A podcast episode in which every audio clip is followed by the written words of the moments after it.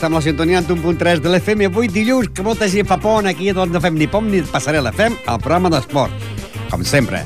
Eh, com Dios manda, i a les vies de so, Jordi Puy i un ciutadà que us parla, Ramon Argenter, que avui tindrem convidat doncs, a Miguel Molina, que ens parlarà del partit que va estar ahir veient eh, Mollet, amb el Ripollet. Un Ripollet que va empatar a 3 gols, meritori empat, perquè tenim en compte que la primera part es va quedar Ripollet amb 10 jugadors. Mollet 3, Ripollet 3. La penya portiva Pajaril va perdre descaradament a Cardedeu 6 a 1, mentre que la Farga i l'escola futbol base de Ripollet doncs, van empatar a 4 i l'Estila va perdre contra el Can Colap i de Terrassa per 3 a 5. A la Monta Futbol Sala, mala, mal les coses estan pel Ripollet, que va perdre el Barni Casa per 6 a 1, mentre que el Ripollet B perdia a la pista del xarxa per 5 a 4. En el món del bàsquet, Copa Catalunya, primera victòria del Club Bàsquet Ripollet, que va guanyar el Vilanova i la Geltrú per 84 a 79. Derrota inesperada de l'Avell Gasó al camp del Col·legi Cultural, 64-54. En el derbi femení de bàsquet, Cerdanyola 47, femení Ripollet 42. I el Barcino, que va perdre amb el Ripollet eh, 2 a 10. Suposo que sabreu que el divendres estàvem aquí en directe, en directe, amb el president del Club Hockey Ripollet i vam tenir una trucada de la Federació eh, Catalana de Patinatge, que estava escoltant el programa de ràdio, i aquell dia tenien que jugar el Barcino i el Ripollet, però estava plaçat perquè no, tenien, no tenia eh, porter. Doncs una trucada en el president d'Albert Figueres del Club Hockey Ripollet, van aixecar la cautelar pel porter del hockey, no vol dir que el castiguen un altre dia, però sí va poder jugar aquesta setmana, perquè estaven sense porters, i van guanyar en el Bartino per 2 a 10. I avui tindrem doncs, les declaracions de Diego Novo, nou jugador del Club de Futbol Ripollet, de Jordi Muñoz. Entrem en directe amb Ignacio Romero, entrenador de la penya portilla Pajaril, amb Xesco, entrenador de l'equip de l'Escola de Futbol Ripollet, eh, aquí ex ADFUT, amb el eh, Rubén Marín, que és l'entrenador de l'Esdila, amb Nicolás Seoane Nico, que és l'entrenador del Futbol Sala de Ripollet, i també amb el Raúl Ortiz, que és l'entrenador del Club Hockey Ripollet. Però anem a començar parlant doncs, del partit que es va jugar aquest cap de setmana, aquest diumenge, a on el Mollet y el Ripollet van empatar tres. Allí estuvo eh, Miguel Molina. Buenas tardes. Buenas tardes. Buen partido, ¿no? De los que hacen afición. Sí, un partido de los que no se olvida nunca, vaya, un 3-3 y fútbol, un partido muy eléctrico con ataques por las, las, dos porterías, muy constante. Y bueno, quien no fue por el tiempo que se quedó en la cama, seguro que se arrepintió. Un Ripollet que en casa ha marcado solo un gol, mientras que ayer, domingo, con 10 jugadores, se adelantó el marcador 1-3. Sí, sí, en 7 minutos marcó 3 goles y se quedó el Mollet sorprendido, vaya. Dos del nuevo jugador, fichaje, Diego Novo. Diego Novo, que viene del Rubí y promete goles, vaya. Ya escucharemos en la entrevista luego que va a venir a trabajar y seguro que hace muchos goles. Aparte, Diego Novo también tuvo que entrar en el once titular Marc Goma, porque recordamos que la semana pasada se quedó expulsión a Rubén y Marc Goma se quedó fuera también. Y a cambio, perdón, ha entrado Ponsic por Marc Goma. Así el once titular fue Reyes, Salva, Miguel, Bravo, Salva Carreras, Ponsic, Juan, Uri, Novo, Yenis y Ray. Y bueno, también destacar la actuación de Uri, que hizo un partidazo en la media. Muy bueno. Y Reyes, que paró un penalti. Y Reyes también, claro. Este ya nos tenemos acostumbrados y ya paró un penalti y más de una que... 0-0 marcador y minuto 30. Sí, sí, un penalti que... Era penalti. Que fue la expulsión de Bravo, ¿no? Claro, ahora todo se pita, ¿no? Pero eh, según la prensa dijo que rigurosa la expulsión del Sí, porque fue involuntario. Se estaba tapando la cara y le dio con la mano. Penalti sí que es, porque ahora se pita todo dentro del área. Bueno, pero claro, sacarlo. todo, todo lo que quiere el colegiado. Claro, todo lo que se ve, claro. todo lo que se ve, no, todo lo que el colegiado quiere. Sí, está bien. No, la verdad es que ayer el árbitro... Porque el día aquí con el, con el Bañolas, el árbitro pues no pitó lo que mal, se veía mal. en el área del, de, del, no. del Bañolas. Fue... Aquí no vienen nadie otros caseros como en otros campos. Pero bueno, sacó expulsión y dejó al Ripollet con 10 y pudo romper el partido, lo que claro... A ver, del minuto 30 al 47 que duró la primera parte, la verdad es que el Mollet iba comiendo el terreno al Ripollet. Y poco a poco iban chutando más veces a puerta y hasta que llegó el gol en el 42. Aguantaron bastante. Y parecía que el partido estaba roto, que el Ripollet ya no podía hacer nada. Claro, estaba con 10, cansancio acumulado. Pero algo le debió decir el Jordi Muñoz, el entrenador en el vestuario, porque salieron que no parecían ellos, vaya. ¿Fue, ¿Fue, quizás la suerte que el minuto 6 el Ripollet consiguiera el empate? Más que suerte es la presión que les, porque el minuto la suerte seis, al marcar, ¿no? Entonces sí, claro, se está yendo a, ánimos. Cinco minutos sí, sí. ya el empate a uno ya te da. Claro, ánimos, ya ¿no? Fue una jugada de Uri que fue rápido a presionar arriba a la defensa, se la pasó a al nuevo jugador a Novo, este recortó en defensa, lo dejó en el suelo y lo metió por toda la escuadra, un golazo. Y dos minutos más tarde se metieron gol en propia ellos. Ya, que fue un centro de Uri, ¿no? Sí, centro de Uri, gol en propia, y ya era el 1-2 en el minuto 52 de la segunda. Y luego cuatro minutos más tarde ya sorprendimos un poco más con otro gol de Novo, también de cabeza. Y bueno, los de Mollet no se lo creían, ¿no? Un equipo con 10 jugadores, con cansancio acumulado y todo, y que te está metiendo 1-3. Pero luego eh, les de Ripollet, Chiqui, ¿te acuerdas? Que también hizo un partidazo. és el capi Mollet. el capitán de Mollet, metió gol y demasiado pronto llegó este gol. Si hubiera llegado más tarde hubiéramos aguantado, yo creo. Y poco a poco fuimos, el cansancio se fue acumulando y al final de todo, en el 82, que ya parecía que el partido iba a quedar 2-3, 2-3, pues al final marcaron el 3-3 el empate. De todas maneras, es un buen resultado, un empate en el campo de Mollet. Sí, sí, pero y que más está- con 10 jugadores. pudo ganar cualquiera, porque en los últimos cinco minutos ellos tuvieron una ocasión muy clara que fallaron, bueno, paró Reyes, y nosotros en el último minuto un penalti que no pitó, que agarraron claramente a Novo dentro del área. Decíamos del colegiado, ¿no? Sí, claro, claro. Y Ahí no se atrevía a lo pitarlo. vio y no lo pito o no lo vio. No se atrevía a pitarlo porque... A veces lo pita porque lo ven. No, pero este lo vio segurísimo porque era muy claro. Bueno, y si lo llega a pitar, igual el ambiente de la grada se hubiera también hubiera cambiado, ¿no? Que fue un ambiente de deportividad muy bueno, la grada llena. Estuvo muy bien. Vamos a escuchar al protagonista del partido, que fue nuevo, que debutaba y marcó dos goles. El- se nos ha puesto bastante en contra por la expulsión, pero bueno, la segunda parte nos hemos concienciado, el míster nos ha apretado y hemos salido a, a comérnoslo todo y le hemos dado la vuelta al marcador muy rápido. Lástima ya los últimos minutos que, que nos han empatado, pero bueno, punto, punto bueno, campo difícil que seguro que nos valdrá para la liga. ¿Y qué os dice el entrenador cuando en, la- cuando en el minuto 30 os expulsan a uno y veis que se están comiendo los, los últimos 15 minutos de la primera? Nada, que sigamos igual que estamos haciendo, que, que luchemos aún más si puede ser y ya está, y así hemos hecho. ¿Te esperabas un debut así con dos goles? Hombre, yo he venido a trabajar, a ayudar al equipo y siempre van bien ¿no? los goles, pero sobre todo ayudar al equipo y, y a tirar para arriba. ¿Y qué te hace llegar al Ripollet con la temporada ya empezada desde el Ruiz? Bueno, esos han sido ya motivos de trabajo y tal, pero bueno, Ripollet siempre ha sido un club que me ha gustado y, y aquí estoy, a darlo todo. Que es un fichaje de los de invierno. Sí, un fichaje del Rubí. ¿Te acuerdas el año pasado que debutó Bravo? También Sí, en la liga sí, empezó sí, y marcó gol. Y el gol, sí. Vamos a tener que hacer debutar Que a fue un gente gol cada de, semana. de- de- de chilena. sí, un golazo, ¿verdad? Cada semana si hacemos debutar a uno, nos aseguramos un, un gol por partido, ¿no? y bueno, ahora escucharemos a Jordi Muñoz a ver qué opinaba del partido. 30 nos hemos quedado con uno menos y contra un equipo que creo que va a ser uno de los cocos que va a estar ahí arriba. Pues creo que hemos hecho, sobre todo la segunda parte, a raíz de que hemos salido del vestuario, nos hemos concienciado todos, nos hemos puesto todos lo- el monotrabajo y pienso que hoy los jugadores se merecen un 10. En el campo de Moyel habéis cogido la medida, ¿no? Porque siempre es un equipo con mucho presupuesto que está arriba, pero nunca os gana. No, tenemos, bueno, yo tengo la suerte que nunca me ha ganado el Mollet. Eh, con cualquier equipo que he venido eh, siempre no he, no he perdido. Pero bueno, yo no soy el que juego. A lo mejor les doy un poquito de talismán, pero los que juegan son los jugadores y creo que no es la medida, es que es otro. Yo creo que se sale de otra motivación. No es lo mismo jugar contra el Mollet aquí, que sabes que va a ser de los que va a estar arriba, como el domingo pasado que tuvimos. eh, bueno, no, no el fallo, es que no estuvimos. tuvi- tuvimos ellos estuvieron más listos que nosotros y caímos en, la- en las trampas que nos hicieron. Pero creo que hoy con 10 jugadores son 55 minutos, pienso que, que está muy bien este resultado. Eh, Casero, el árbitro, aparte de la jugada del penalti. Yo, como siempre, no digo nada de los árbitros porque esto, cuando pitan, ya está pitado. El penalti, si estaba dentro del área, ha levantado el brazo, para mí es penalti. Expulsión, va, esto ya va a criterios. Si está el balón iba a gol, no iba a gol, esto ya va a criterios, supongo. Y el ambiente ya te gustaría que fuera así siempre, ¿no? Campo lleno. Hombre, sí, aquí ha venido mucha gente y a pesar de la lluvia que ha caído y pienso que sí, ojalá siempre estuviera así. Bueno, nosotros no nos podemos quejar de todas maneras, tenemos una afición que da gusto. Y la semana que viene tendrás también el campo lleno porque la presentación. Sí, ¿Cómo- bueno, cómo a mí esta- estas cosas no me gustan mucho hacer. Yo prefiero hacer la presentación y no jugar a hacer la presentación y jugar luego. Porque el jugador no está muy metido. Mira qué pasó en Farnet. Hicieron la presentación, nosotros íbamos calentando, ellos aún no calentaban y esto, pienso que esto a veces pasa factura. Afecta un poco, ¿no? Sí. ¿Y cómo ves el partido del Turo de Pereira? Hombre, yo no los he visto una vez en su casa, claro, es un campo de tierra muy pequeño, tienen jugadores muy veteranos.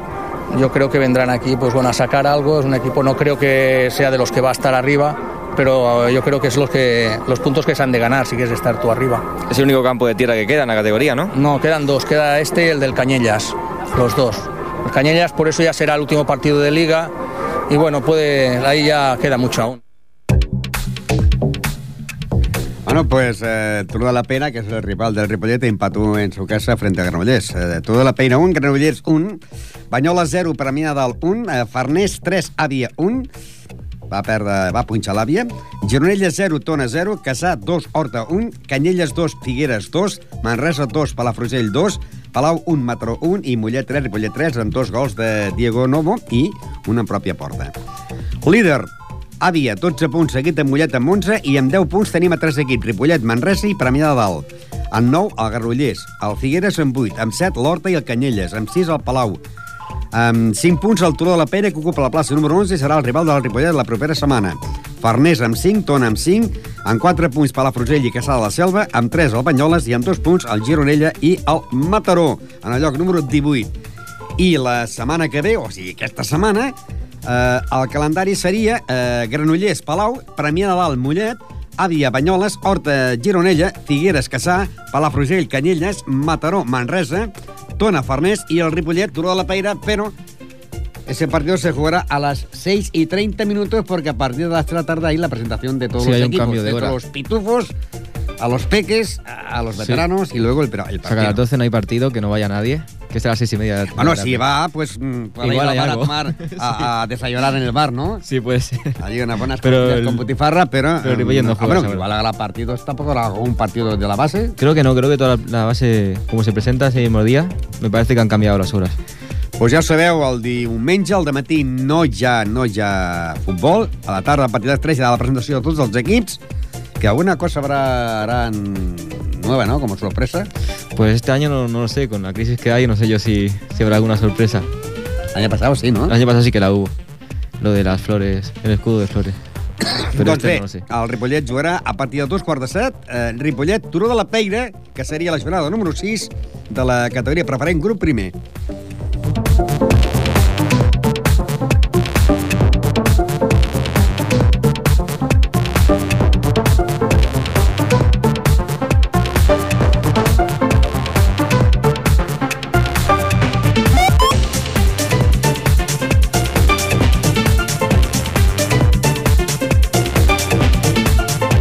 a fer un repàs, doncs, també a la segona categoria territorial. Lliçà de Vall 3, Sabadellenca 3, Santa Eulàlia 0, Paret 0, Sant Esteve 3, l'Ametlla 2, Palau Tordera 2, Pitres 0, Montmeló 2, La Torreta... Ai, perdó, Montmeló 0, eh, La Torreta 2, Serranyola 6, Vilamajor 2, Sorpresa partit Martorelles, eh, Sant Joan de Montcada, Bellavista 3, Vallès 1, i Cardedeu 6, Penya Partida Pajaril 1. L'únic gol de la Penya Partida Pajaril el va marcar, a marcar el jugador Carlos Martínez. Amb 13 punts, Cardedeu. Amb 12 punts, Serranyola i el Montmeló. Amb 10 punts, la Torreta i Lliçà de Vall. Amb 9 punts, el Sabadellenca, Bell- Bellavista. A la Tordera, amb 7. Amb 6 punts tenim el Peters, l'Ametlla, el Vallès, el Sant Esteve i la Penya Martí Pajaril. En 5, Sant Joan de Montcada. En 4, Santa Eulàlia. En 4 punts a Vilamajor. En 3, amb 1 punts al Parets. I el Martorelles, que està amb 0 punts pel que fa a la tercera categoria territorial.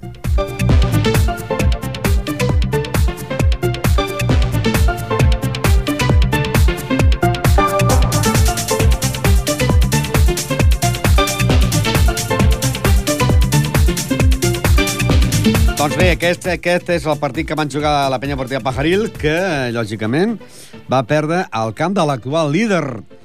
Eh, la gent deia que si el seria l'actua- seria l'equ- l'equip Coco de la Lliga, doncs, en aquest cas, l'equip Coco, en aquest cas, serien Cardedeu, eh, Serranyola i Montmeló.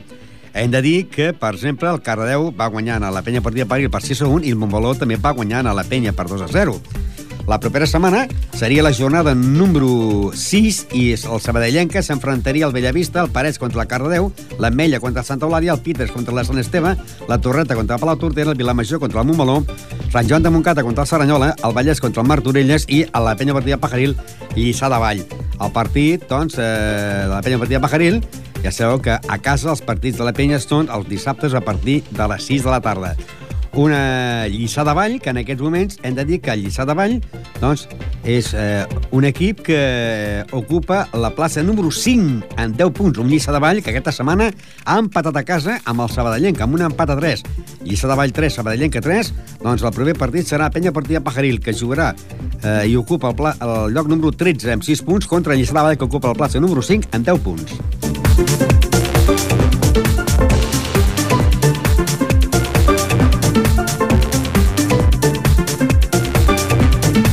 Entrarem més a futbol, en aquest cas no hem pogut entrar en directe amb el, el que passa, eh, teníem que entrar en directe amb l'entrenador Ignacio Romero per lo que passa del pont, no? El pont, que gent està fora i en aquests moments no s'hi podia posar. I esperem, doncs, eh, ara que es posarem en contacte també amb l'entrenador Francisco Baena, eh, més conegut amb nom de Xisco, que és l'entrenador de l'equip del ADFUT, ara a Escola de Futbol Base de Ripollet, que aquest cap de setmana van jugar el seu partit i van empatar al camp de la Farga amb un empat a 4, com també l'Esdila, que està al mateix grup, que van perdre a casa davant del Can Colapi de Terrassa per 3 a 5. Eh, Xesco, buenas tardes. Hola, buenas tardes. Y sobre todo, eh, yo creo que un buen resultado, ¿no? Empate 4 en el campo de la Farga. Eh, sí, sí. Yo considero que también empezar fuera de casa contra un equipo que el año pasado también estuvo con nosotros ahí en, en los puestos, digamos, de mitad de la tabla para arriba y más o menos tienen el mismo equipo, bien, estuvo bien. Además porque fue un partido que pudo pasar de todo, de, de, de ganar nosotros, ganar ellos y en el último suspiro pues empatar, o sea, bien, Eh, bien. Cuatro goles con eh, un gol de Jordi Puy, que se llama igual igual que mi compañero de control, que también se llama Jordi Puy, pero no juega fútbol. Ah, vale, vale. Eh, Diego Pérez, que marcó dos goles, y David Franco, que marcó el otro gol, ¿no? Sí, exacto. Eh, una, un partido con muchos goles, ¿no? Siempre se marcan ocho goles, ¿no? Mm, A ver, la verdad es que nosotros en la pretemporada estamos metiendo muchos goles.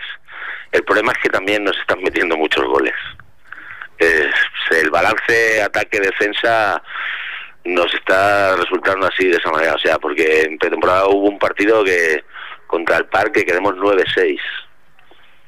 O sea, goles metemos, sí, metemos muchos goles, pero también estamos encajando. Tenemos que intentar mejorar la, la faceta de defensiva ¿no? del equipo. Pues yo creo que cuando consigamos eso, este año gol hay. Gol de, pretemporada se está demostrando que hay gol. Cuando no es un jugador es otro y se están metiendo goles. Lo importante es que consigamos un poquito ser más serios atrás y no encajar en- algunos goles que encajábamos un poco tontos, por decirlo de alguna manera. Yo me acuerdo, con, creo que fue eh, Jordi Cruyff, ay, Johan Cruyff, cuando era jugador, que decía, a mí no me importa que me marque más goles siempre que yo cuanto marque uno más que el contrario. Sí, hombre, no, a ver, eso está claro. Si tú marcas un gol más, pues lo normal es que ganen, ¿no? A ver, a mí me gusta el fútbol de ataque. De hecho, nosotros siempre jugamos con tres delanteros. Y tres delanteros, delanteros, no como otros equipos que ponen tres puntas, pero no son realmente puntas. Nosotros los tres que juegan arriba son delanteros. Pero ah, hay que conseguir, para poder aspirar a algo, hay que conseguir ser un poquito más serios.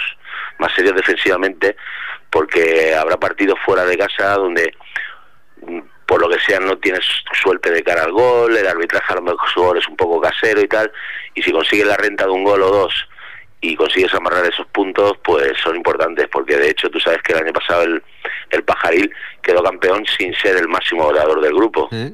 Sí, sí, sí. Simplemente fue muy serio atrás, marcaba un par de goles y sabía mantener esa ventaja, sabía jugar con el marcador a favor y se llevó muchos partidos, muchos puntos, ¿no? A ver, yo tampoco quiero que seamos el pajaril del año pasado, nosotros somos nosotros. Y si somos a lo mejor un poquito más alegres en ataque, está bien, pero sí conseguir, al menos que no le regalemos goles. Es que hay situaciones que a veces son regalos nuestros, ¿no? El año pasado pagasteis la novatada, era el primer año que jugabais, pero este año ya lleváis una temporada, aunque hay, hay bastantes jugadores nuevos, ¿no? Sí, es que, a ver, en la base del equipo se mantiene, ¿no? Pero la base del equipo que se mantiene son los chavales que el año pasado tenían 20 años. O sea que este año son un año más veteranos, pero tampoco es que sean muy veteranos, ¿no? Y incluso los que eran más mayores, digamos que son los chavales que este año no continúan. Y lo que con la gente que hemos reforzado es gente de 20 años. Entonces yo creo que eh, la gran base del equipo sí es verdad que tiene un año de experiencia, un año, y la mayoría y luego por los chavales nuevos que se han incorporado pues son sin experiencia en la categoría, son juveniles. Y esta semana jugaréis, pero eh, tardaréis, eh, vuestro público tardaréis en veros porque esta semana habéis debutado en la liga, habéis empatado en el campo de... De, De la Farga. De, la Farga, pero el partido que teníais que jugar en casa esta semana se ha cambiado y jugaréis el, dom- el domingo en el campo La Marina, que es la presentación oficial. Sí, sí, es que se han fusionado la Marina con el Mercantil, que incluso en el Sport salió anunciado, y entonces se inauguran el campo y delante de nuestro de nuestro partido juegan el juvenil del Mercantil contra el juvenil del Español, y cuando finaliza ese partido jugamos nosotros contra el, el amateur de tercera regional de la Marina. Sería sobre las 12 de la mañana, ¿no? Del domingo. No, no, jugamos a las 7 y media de la tarde. Claro, porque es la presentación también de... de... Sí, sí, es la presentación del fútbol base mercantil y el último partido es el tercera regional de, de la Marina, cuando acaba el juvenil de, de División de Honor, que juega contra el español del mercantil. Y luego ya el siguiente partido será otra vez fuera, por lo tanto que la gente tardará pues casi casi un mes sin... Sí, todavía tardan 15, 15 días en vernos en casa, pero luego jugamos dos partidos, por el calendario jugamos dos partidos seguidos en casa. Y por lo tanto yo creo que con el empate este, pues también iréis con mucha moral ese domingo a, Sí, pero bueno, la Marina es un hueso este año, ¿eh? ¿Sí? Según me han informado, sí. Sí. A, al haberse fusionado, no sé si es que y al, y al ser un campo nuevo, que siempre van jugadores que van, quieren jugar el campo nuevo, a probar, y con el nombre de Marina Mercantil y tal, se ve que han, han hecho un tercer regional bastante apañado, ¿eh? De hecho, esta semana han ganado 5-1. Sí, sí, 5-1 a la Unión Salud Sabadell. A la Unión Salud Sabadell. Y estuvimos viendo y, bueno, tiene un equipo complicado, ¿eh? no va a ser fácil. Bueno, yo creo que lleno de moral conseguiría los tres puntos. Sí, hombre, la moral toda la tenemos. Y, y si conseguimos en estos tres partidos que tenemos fuera, conseguimos, por decirte algo, seis puntos, pues sería un balance súper positivo. Tres partidos seguidos fuera, te plantas con seis o siete puntos y luego te vienen dos seguidos en casa, sería un buen arranque, ¿no? Una buena, un buen arranque liguero, pero hay que ir partido a partido y los demás también juegan y ya veremos a ver qué pasa. Pues suerte y a ver si cuando te llame el domingo a las nueve de la noche me dices, mira, hemos ganado. A ver si es verdad, Ramón, gracias. Uh, gràcies. Les paraules de Xesco, uh, Francisco Bena, l'entrenador de l'equip de la de Fut, que eh, diem de Fut perquè la gent sàpiga que molta gent dirà, coi, no parlen de la de Fut, és que ara la de Fut és Escuela de Futbol Base Ripollet. Per tant, deixem el nom de la Fut, passa que primers dies, fins la gent es vagi acostumant, ho anirem dient. A la mateix grup també està l'equip de l'Esdila, a l'Esdila, que va començar la Lliga contra l'equip del Can Colapi i que va perdre el partit per 3 a 5 i que a mi particularment la primera part, la primera tú también estuviste Miguel, la primera Sí, media sí. hora jugó bastante bien, diferente a otras, otras temporadas Sí, ¿no? la verdad es que sí, tiene mucho ataque arriba, muchas jugadas, pero también mala suerte, ¿no? El gol que recibió en el córner y los palos. Luego la fallada Sí, de Robert con la portería vacía. dos palos en la primera parte, dos Sí. palos en la segunda y Alberto marcó dos goles, que es el jugador número 20, Muy bueno ese chico. marcó dos goles y falló tres o cuatro. Sí, y luego la que te Y dos palos. Y la de Robert sin portero. O sea increíble. que... Es el fútbol.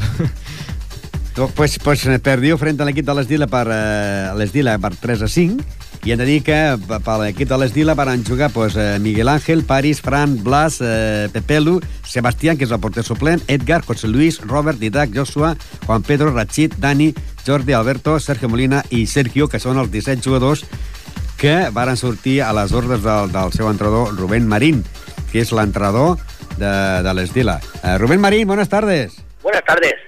Bueno, primer partido y buen partido, ocho goles, pero se perdió con el Cancolapi 3 a 5. Pues sí, bueno, teníamos demasiadas bajas para ser el primer partido. Una media, una media hora de juego que jugó muy bien el equipo del Esdila y pudo marcar más goles de los que marcó. Pues sí, cierto, dimos tres palos, eh, fallamos dos ocasiones que sacó un jugador rival en, en la raya de gol y bueno, ellos que a la portería pues fallaron demasiado poco. Eh, porque que, lleváis pocos partidos jugando, ¿no? Sí, era, bueno, hemos tenido una pretemporada muy corta, pues había muy, po- muy pocos equipos disponibles que tenían pista para jugar y solo hemos podido disponer tres partidos y claro, eh, hemos, eh, incluso hemos llevado partidos 30 jugadores que era imposible hacer un, un once inicial, incluso aún tenemos dudas de, de cerrar plantilla, aún no tenemos la plantilla eh, cerrada, se puede decir. A mí me gustó mucho el número 20, Alberto. Sí, muy bueno. Eh, vino hace un par de semanas, eh, el primer partido que lo llevamos también de pretemporada marcó, eh, el chico dio dos palos, metió dos goles, bueno, es el primer año que juega en senior, o sea, que poco a poco. La defensa quizás eh, un poco floja.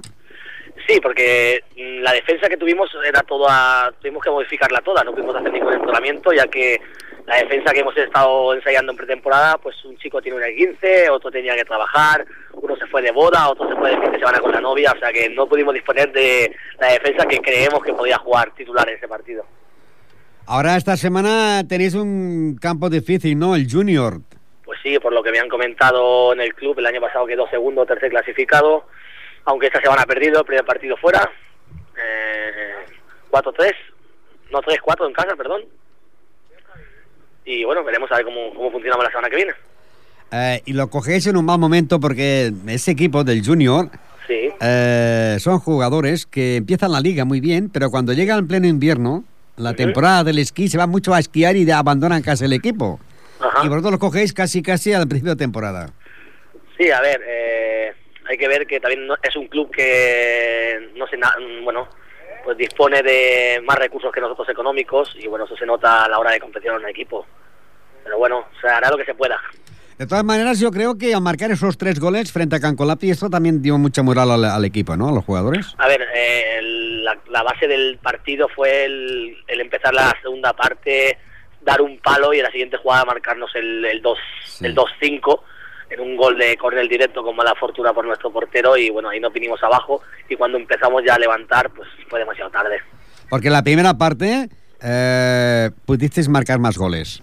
Yo creo que la, la la- cuando terminamos la media parte con un 2-3 en contra que nos marcaron en el último minuto, en el, en el 45, yo creo que eso fue un golpe de moral malo porque en, en ningún momento pusimos, pudimos ponernos por delante y jugar a lo que nosotros creemos que podemos jugar este año. Siempre fuimos en contrarremo. Eh, yo tenía aquí en la plantilla 18 jugadores, pero sois más, ¿no? Sí, 18 jugadores porque son no puedes llevar más. O sea, Ya, pero este me año, refiero que la plantilla es amplia, ¿no? Pues sí, tenemos cerca de 30 jugadores. ¿Para el próximo partido frente al Junior harás algún cambio o no? Algún, pues, pues yo te puedo decir que a lo mejor del 11 inicial podrían incluso haber 8 o 9 nuevos. Esto es bueno, ¿no? Tener tanta plantilla. Bueno, bueno y malo. Primero porque los jugadores no terminan de de encontrarse, porque no saben si estarán, si no estarán, entonces también crea dudas. O sea, crea, en una parte es bueno porque ellos se esfuerzan más, eh, aportan más al equipo, tienen garra por quedarse, pero por otra parte por la desilusión de cuando llega el sábado quedarte fuera. Y contra el Junior, eh, si no tengo nada diferente, eh, se juega el domingo por la tarde, ¿no? A las El domingo a las tarde. 4 de la tarde, sí, también es mala hora. Eh, preguntar, después de comer, ¿no? después de comer un domingo la gente normal hay gente joven son chicos salen salen de fiesta el domingo normalmente lo tienen siempre de, pues para descansar y bueno yo creo que nos costará meternos en el partido ¿Qué les dirás antes del partido a- para jugar contra el Junior? pues vamos a ver eh, es lo que te comento yo la plantilla creo que la cerraré en dos tres semanas o sea que es vamos a ir mm, yo hablo muy claro con ellos siempre voy a dar de cara y yo le diré que bueno que quien venga con ganas y a enfrentarse bien, el que venga a arrastrarse por el campo porque ha pasado el asado de juerga, pues, pues que le deje la oportunidad a tu compañero que venga con más ganas. Eh, Rubén Marín, ¿de dónde vienes? Bueno, yo soy. vi- Vivo en Gabá y trabajo en la federación hace 10 años. Está en la sub-15 catalana. El año pasado estuve en el Cerro Reyes de Segunda B, ah, haciendo, echando una mano por allí. Y bueno, he tenido, llevo 8 años dedicándome a esto y este año pues me requirieron mi, mi ayuda a este equipo. Y vamos a hacer lo que pues, se pueda para, para crear escuela. Uh, suerte. Gracias. Les paraules de Rubén Marín, que és el nou entrenador, ja heu sentit, ve d'acabar, ja està al treball a la Federació Catalana de, de, de Futbol. Y el Cerro, Reyes, el Cerro de Reyes que se salvó en la última jornada. Sí, sí, sí. I doncs Rubén Marín és l'entrenador de l'equip de l'Esdila, que aquesta setmana van perdre davant de Can Colati per 3 a 5, i la Farga que va perdre amb l'Escola de Futbol Ripollet per, amb un empat a 4. La setmana que ve, doncs, com dèiem, eh, jugaran eh, a les 7 de la tarda l'equip de l'Escola Futbol Ripollet al camp de la Marina i el dissabte a les 4 de la tarda s'enfrontarien al júnior i l'equip de l'Esdila.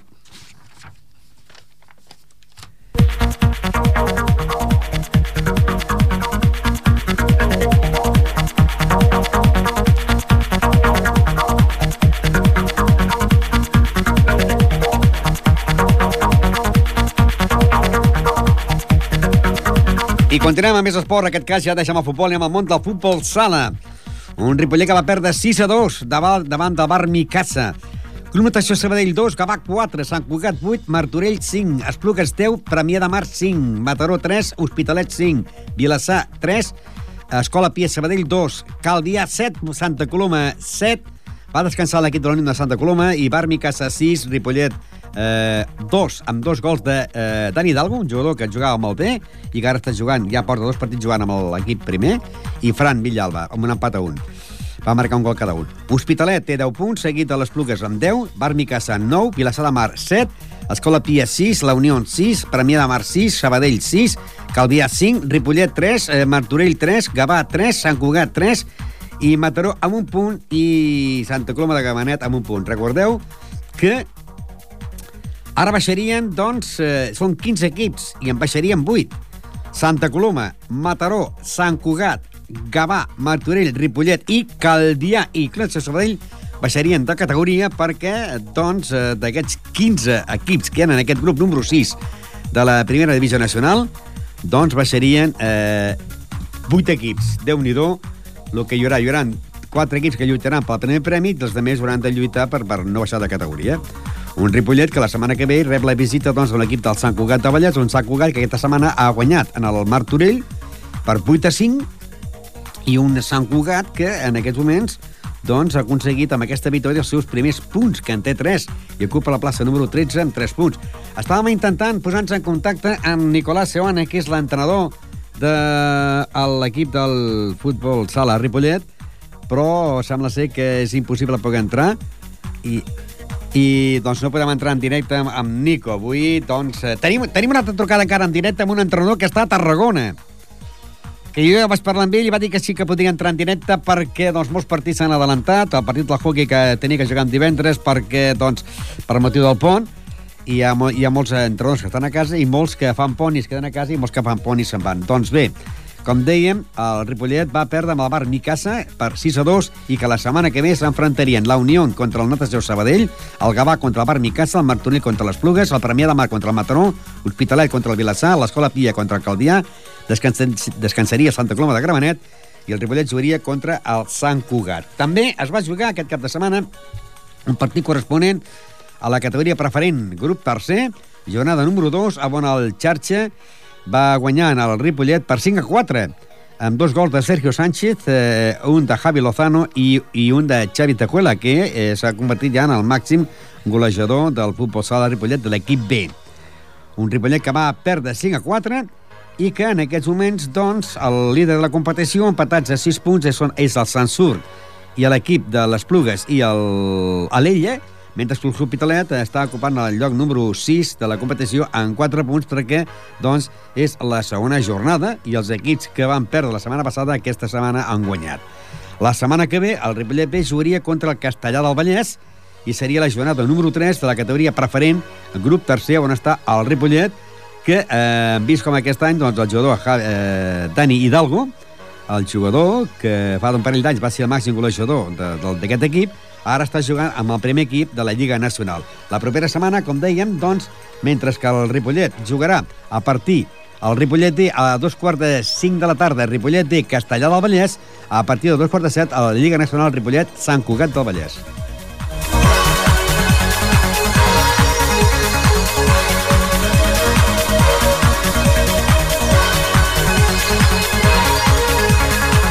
Hockey. Hockey.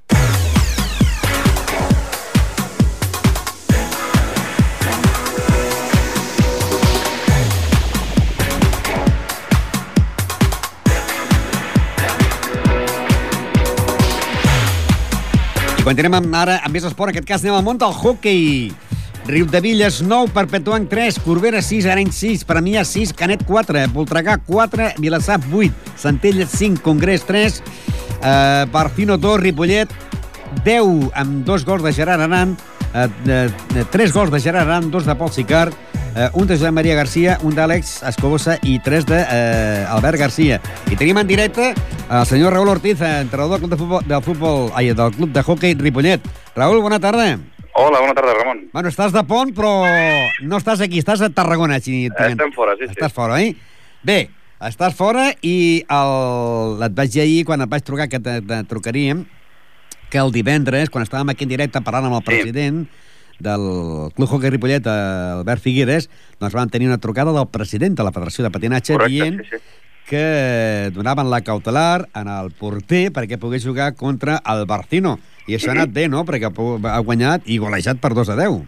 Sí, evidentment teníem un problema important, el fet de no poder eh, alinear cap dels dos porters doncs, ens complicava bastant de cara a poder enfrontar aquest en contra i doncs, en el darrer moment la, la federació ens va concedir una cautelar que no és habitual en, en, el, en el hockey, no, és, no, és, no està contemplada les cautelars, però ens la va concedir doncs, nosaltres també, com va explicar el president, doncs, al·legant que teníem un problema que és que no tenim equips inferiors per poder reforçar el sènior, és a dir, no tenim ni juvenil ni júnior, i eh, la segona categoria era la infantil, que no, lògicament no ens permetia alinear cap porter, i tampoc fins i tot els veterans, que també vam intentar fer una fitxa al porter veteranos i finalment doncs, ens van considerar aquesta cautela per poder alinear el, el Sergi Mele. Ara, no vol dir que llavors eh, el, el partit d'un o dos o els que sigui li puguin caure igualment, no?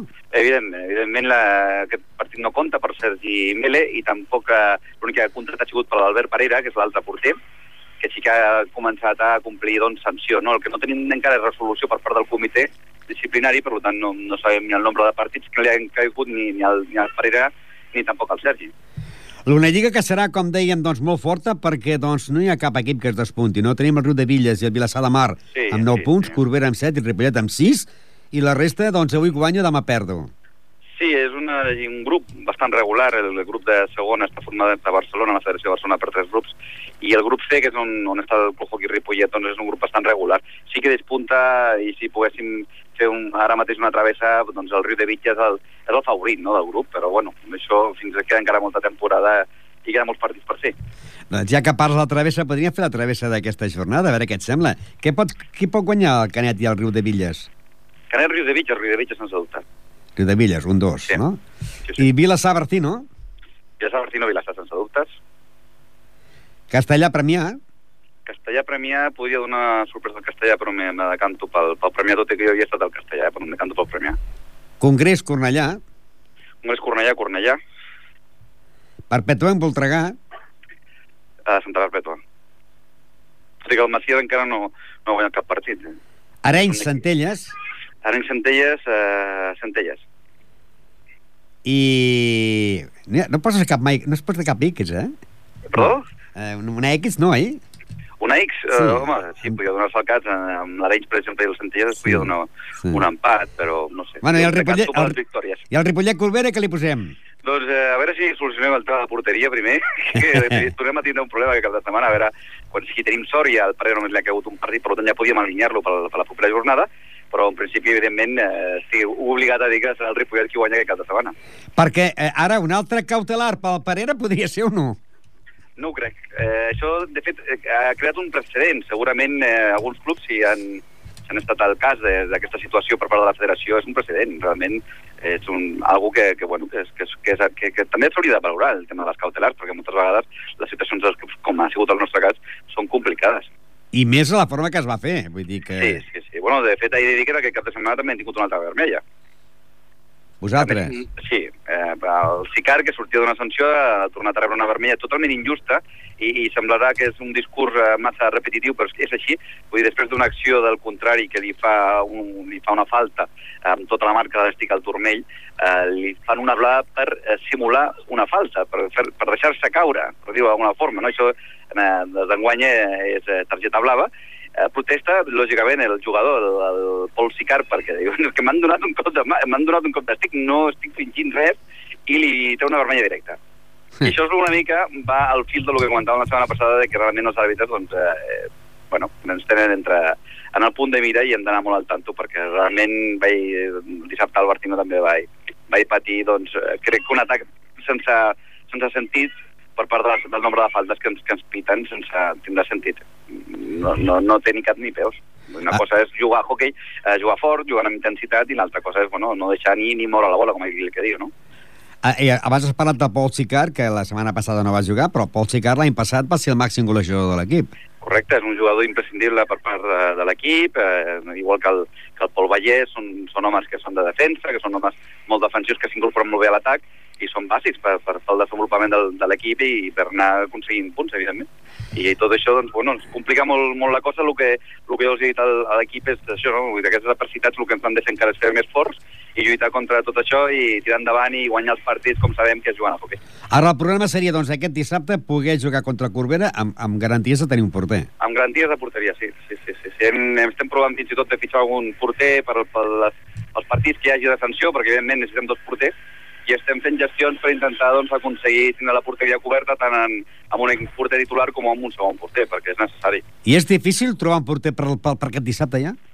Eh, és difícil, és difícil. Tenim algunes opcions, s'estan gestionant per part de, de, de l'Albert, del president, i estem intentant a veure si podem aconseguir doncs, poder tenir un segon porter, perquè la, el tema de les sancions és algo que els informes, quan es dictamina i de més, doncs sempre triguen una mica en fer-ho, no? Mentre, doncs, doncs, evidentment, els jugadors no poden jugar. I l'àrbit per la mala actuació, qui el sanciona? Perdó? A l'àrbit per la Ah, mala qui- actuació, qui el sanciona? No? Molt, molt bona pregunta, Ramon. Qui castiga els àrbitres quan, quan no estan fent o no estan complint amb les seves obligacions i la imparcialitat, no? Que jo crec que un àrbitre s'ha de, de regir sempre com a jutge en la imparcialitat i jo crec que no s'està donant en aquest cas. Doncs gràcies. S'han fet, que s'han fet queixes, Sí. fet queixes a la federació per part de l'arbitratge i, i bueno, suposo que potser algun dia doncs, tindrà alguna resposta, no? Això. Ah, gràcies, sort, i esperem doncs, que te- tenim porter pel, pel dissabte i que vagi bé el pont. Gràcies, Ramon, igualment, i espero poder tornar a parlar dilluns d'una altra victòria del, del Ripollet. D'acord, merci. Gràcies, bona tarda. Bona tarda. Les paraules de Raül Ortiz, que està fora, està de vacances, està al pont aquest, està a Tarragona, sort que va tenir que van jugar el, el, aquest partit del dissabte, i el problema és de que no tenen porter, però eh, doncs la cautelar eh, del porter, eh, d'un dels porters que va poder jugar aquest cap de setmana. Deixem ja el món del hockey i anirem al món del bàsquet. Bàsquet. Bàsquet. I anem al món del bàsquet, un Ripollet que va guanyar ahir el seu primera victòria de la temporada, la jornada número 3, Ripollet 84, Vilanova i la Geltrú 79. I això que el Ripollet sempre va anar per darrere en el marcador. Per què? En el primer temps, 18 a 22, favorable a l'equip del Vilanova. En el descans, 39 a 41, a 41, favorable també al Vilanova. Al tercer temps, 59 a 55, 4 punts a dalt al Ripollet. I final de partit, 84 a 79, 5 punts favorable al Club Bàsquet Ripollet. Víctor Díaz, jugador del Ripollet, que va aconseguir dos, dos punts. Manel Álvarez no va puntuar. Sergio Marín va fer un bon paper i va fer 11 punts. Sergio Piñero va fer un total de 18 punts. Eh, Ismael Salas, 3 punts, un triple. Alberto Martínez, 6 punts. Eh, Marc Saragossa, 6 punts. Didac Cala, 9 punts. Max Puntí, 6 punts. Miguel Ángel Méndez, 5 punts. David Igualada, que no va jugar, doncs lògicament no va puntuar. I el dorsal número 6, Ricardo Borrego, que va fer un total de eh, 16 punts va fer 5 a la primera part i la resta a la segona part. 16 punts va ser l'home que més va puntuar, més ben dit, el que va puntuar va ser Sergio Piñero, el dorsal número 14, perquè Víctor Díaz porta el dorsal número 4, Manel Álvarez el número 5, eh, Sergio Marino el número 21, Sergio Piñero el número 14, Ismael Salas el número 10, Alberto Martínez el número 19, Marc Zaragoza el número 11, Didac Cal, el número 13, Max Puntí, el número 7, Miguel Ángel Méndez, el número 12, David Igualada, el número 18 i Ricardo Borrego, el número 6. Final de partit, 84 a 79. Líder de la competició, el La Salle Reus, amb 8 punts, seguit amb 3 punts, o sigui, en 7 punts de 4 equips. Esferi de Terrassa, el Valls, eh, Sant Boi i Esparreguera. En 6 punts tenim el Sant Cugat, el Serranyola, el Ribes i el Sant Jordi i el Tarragona i també el Natació Sabadell.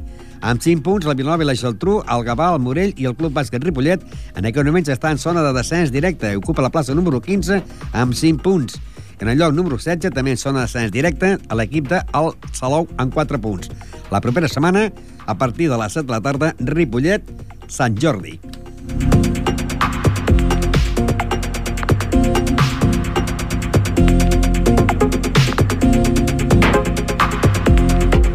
El Ripollet, com dèiem, ocupa la plaça número 15 amb 5 punts i l'equip del Sant Jordi, que serà proper rival del Ripollet, ocupa la plaça número 9 amb 6 punts.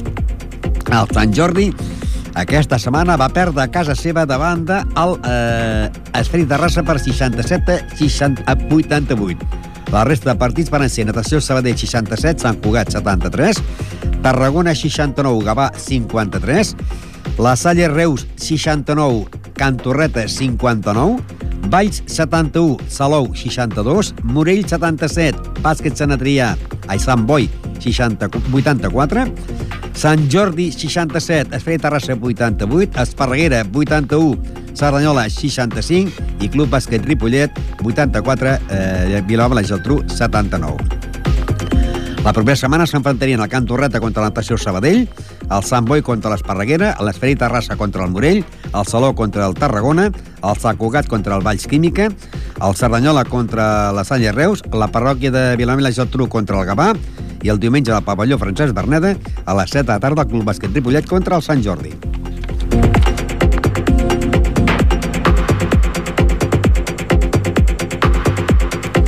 Seguim amb més bàsquet perquè també es va jugar a la ter tercera territorial on la Vell Gasó va perdre a la pista del Col·legi Cultural per 64-54.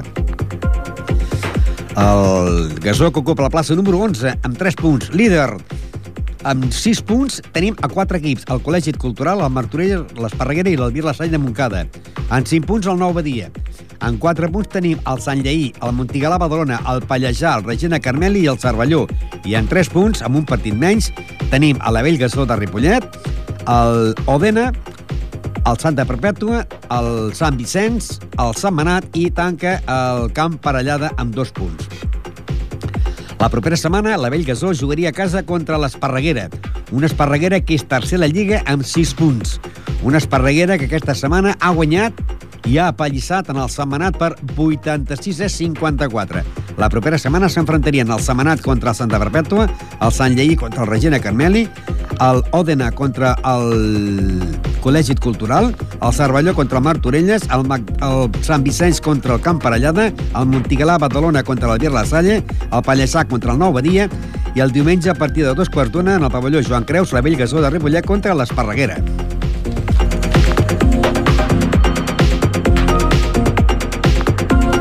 Continuem amb més bàsquet, bàsquet femení, perquè aquest cap de setmana es va disputar la jornada eh, de bàsquet, tercera de la jornada, Sardanyola 47, Ripollet femení 42. Líder, el Cornellà amb 6 punts i el bàsquet femení Ripollet ocupa la plaça número 10 amb 4 punts. La resta de partits van ser Tecla Sala 37, eh, Collblanc 66, Pretenc 67, Roqueta 51, Sama 57, Matadepera 33, Sant Just 76, Llafià 86, Castellbisbal 42, Cornellà 84, Sant Nicolau 54, Esparreguera 36. Líder amb 6 punts tenim a dos equips, el Cornellà i el Llafià. Amb 5 punts tenim 3 equips, el Sant Just, el Serranyola i el Pretenc. En 4 punts tenim bastants equips, com són el Collblanc, el Sama, el Roquetes, el Tecla Sala i el bàsquet femení Ripollet, que ocupa la plaça número 10 amb 4 punts, els mateixos que el Castellbisbal. Amb 3 punts el Sant Nicolau i l'Esparreguera i amb 2 punts en el lloc número 14 a l'equip del Matadepera. A la pròxima jornada s'enfrontarien l'Esparreguera contra el Tac Tecla Sala, el Roquetes contra el Castell Bisbal, el Collblanc contra el Sant Just, el Mata de Pera contra el Pretenc, el Cornellà contra el Cerdanyola, el Llefià contra el Sama i el diumenge a partir de les 11 del matí el Club Bàsquet Femení Ripollet contra el Sant Nicolau. El femení Ripollet ocupa la plaça número eh, 10 amb 4 punts i l'equip que ens visitarà, el Sant Nicolau, la plaça número 12 amb 3 punts. Un Sant Nicolau que aquesta setmana va guanyant a l'Esparreguera per 54 a 36.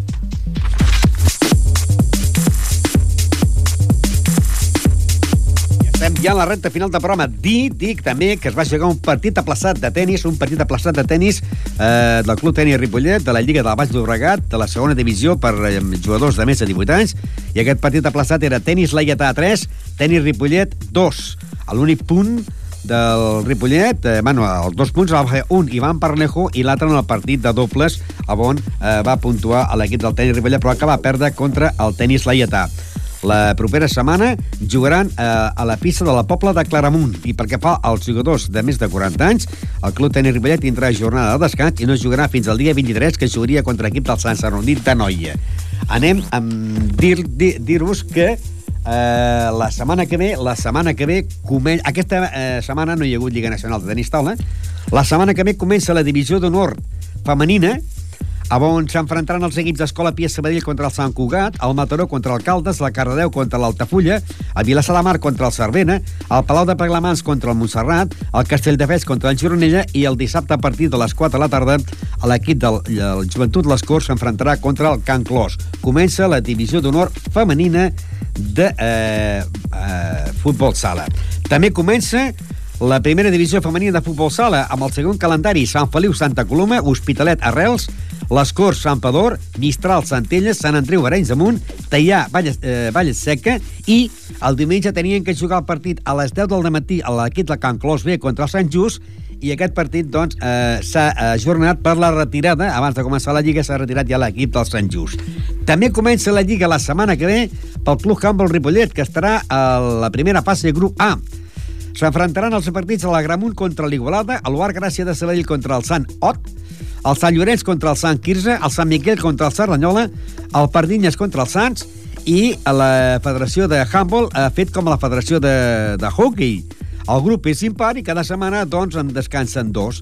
Aquesta setmana descansaran el Sant Pedor i l'equip del Handball Ripollet, que no jugarà aquí fins a final de mes perquè la, la setmana següent ja jugarien a la pista del Sant Pedor, per tant, eh, comença la, la Lliga descansant. També aquesta setmana no hi ha hagut Lliga Nacional de tenis taula perquè doncs, hi va haver eh, jornada oficial de descans i la propera setmana seria la jornada número 2, s'enfrontarien a la divisió d'honor femenina a l'Helios de Saragossa contra l'Avilés d'Astúries, el Casa Astúries de León contra el Bàscara de Girona, el Santa Eulària d'Ivisa contra el Calella i el Falcons de Sabadell contra el Finques Ripollet.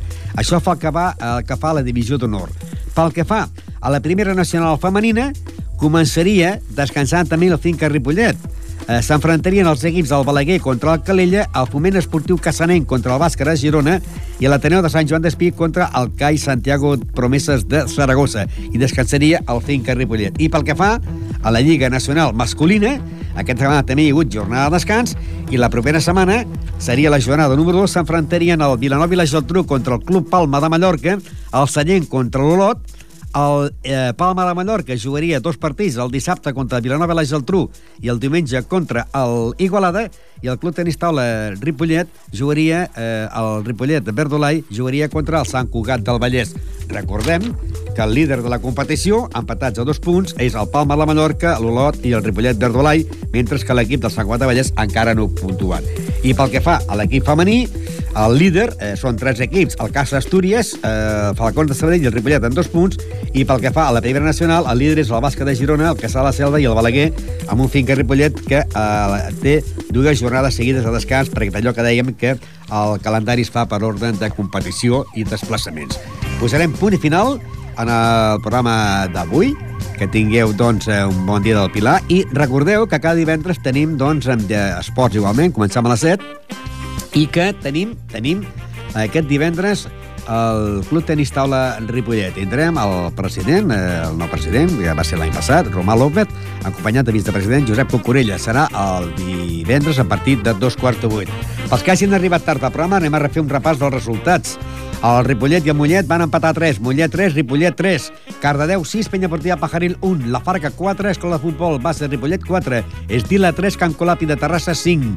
En futbol sala, Parmi Casa 6, Ripollet 1, Xarxa 5, Ripollet D4. En el món del bàsquet, Club Bàsquet Ripollet 84, Vilanova i la Geltrú 79. Col·legi Cultural 64, la Bellgasó 54, Cerdanyola 47, Femení Ripollet de bàsquet 42 i a la món del hockey, el Club Tenis Bartino 2, Club Hockey Ripollet 10. El Club Tenis Bartino, que té, a més a més de hockey, doncs també tenis i tenis tola. Posarem punt i final i el divendres a les 7 estarem amb tots vosaltres. Adéu, bona tarda.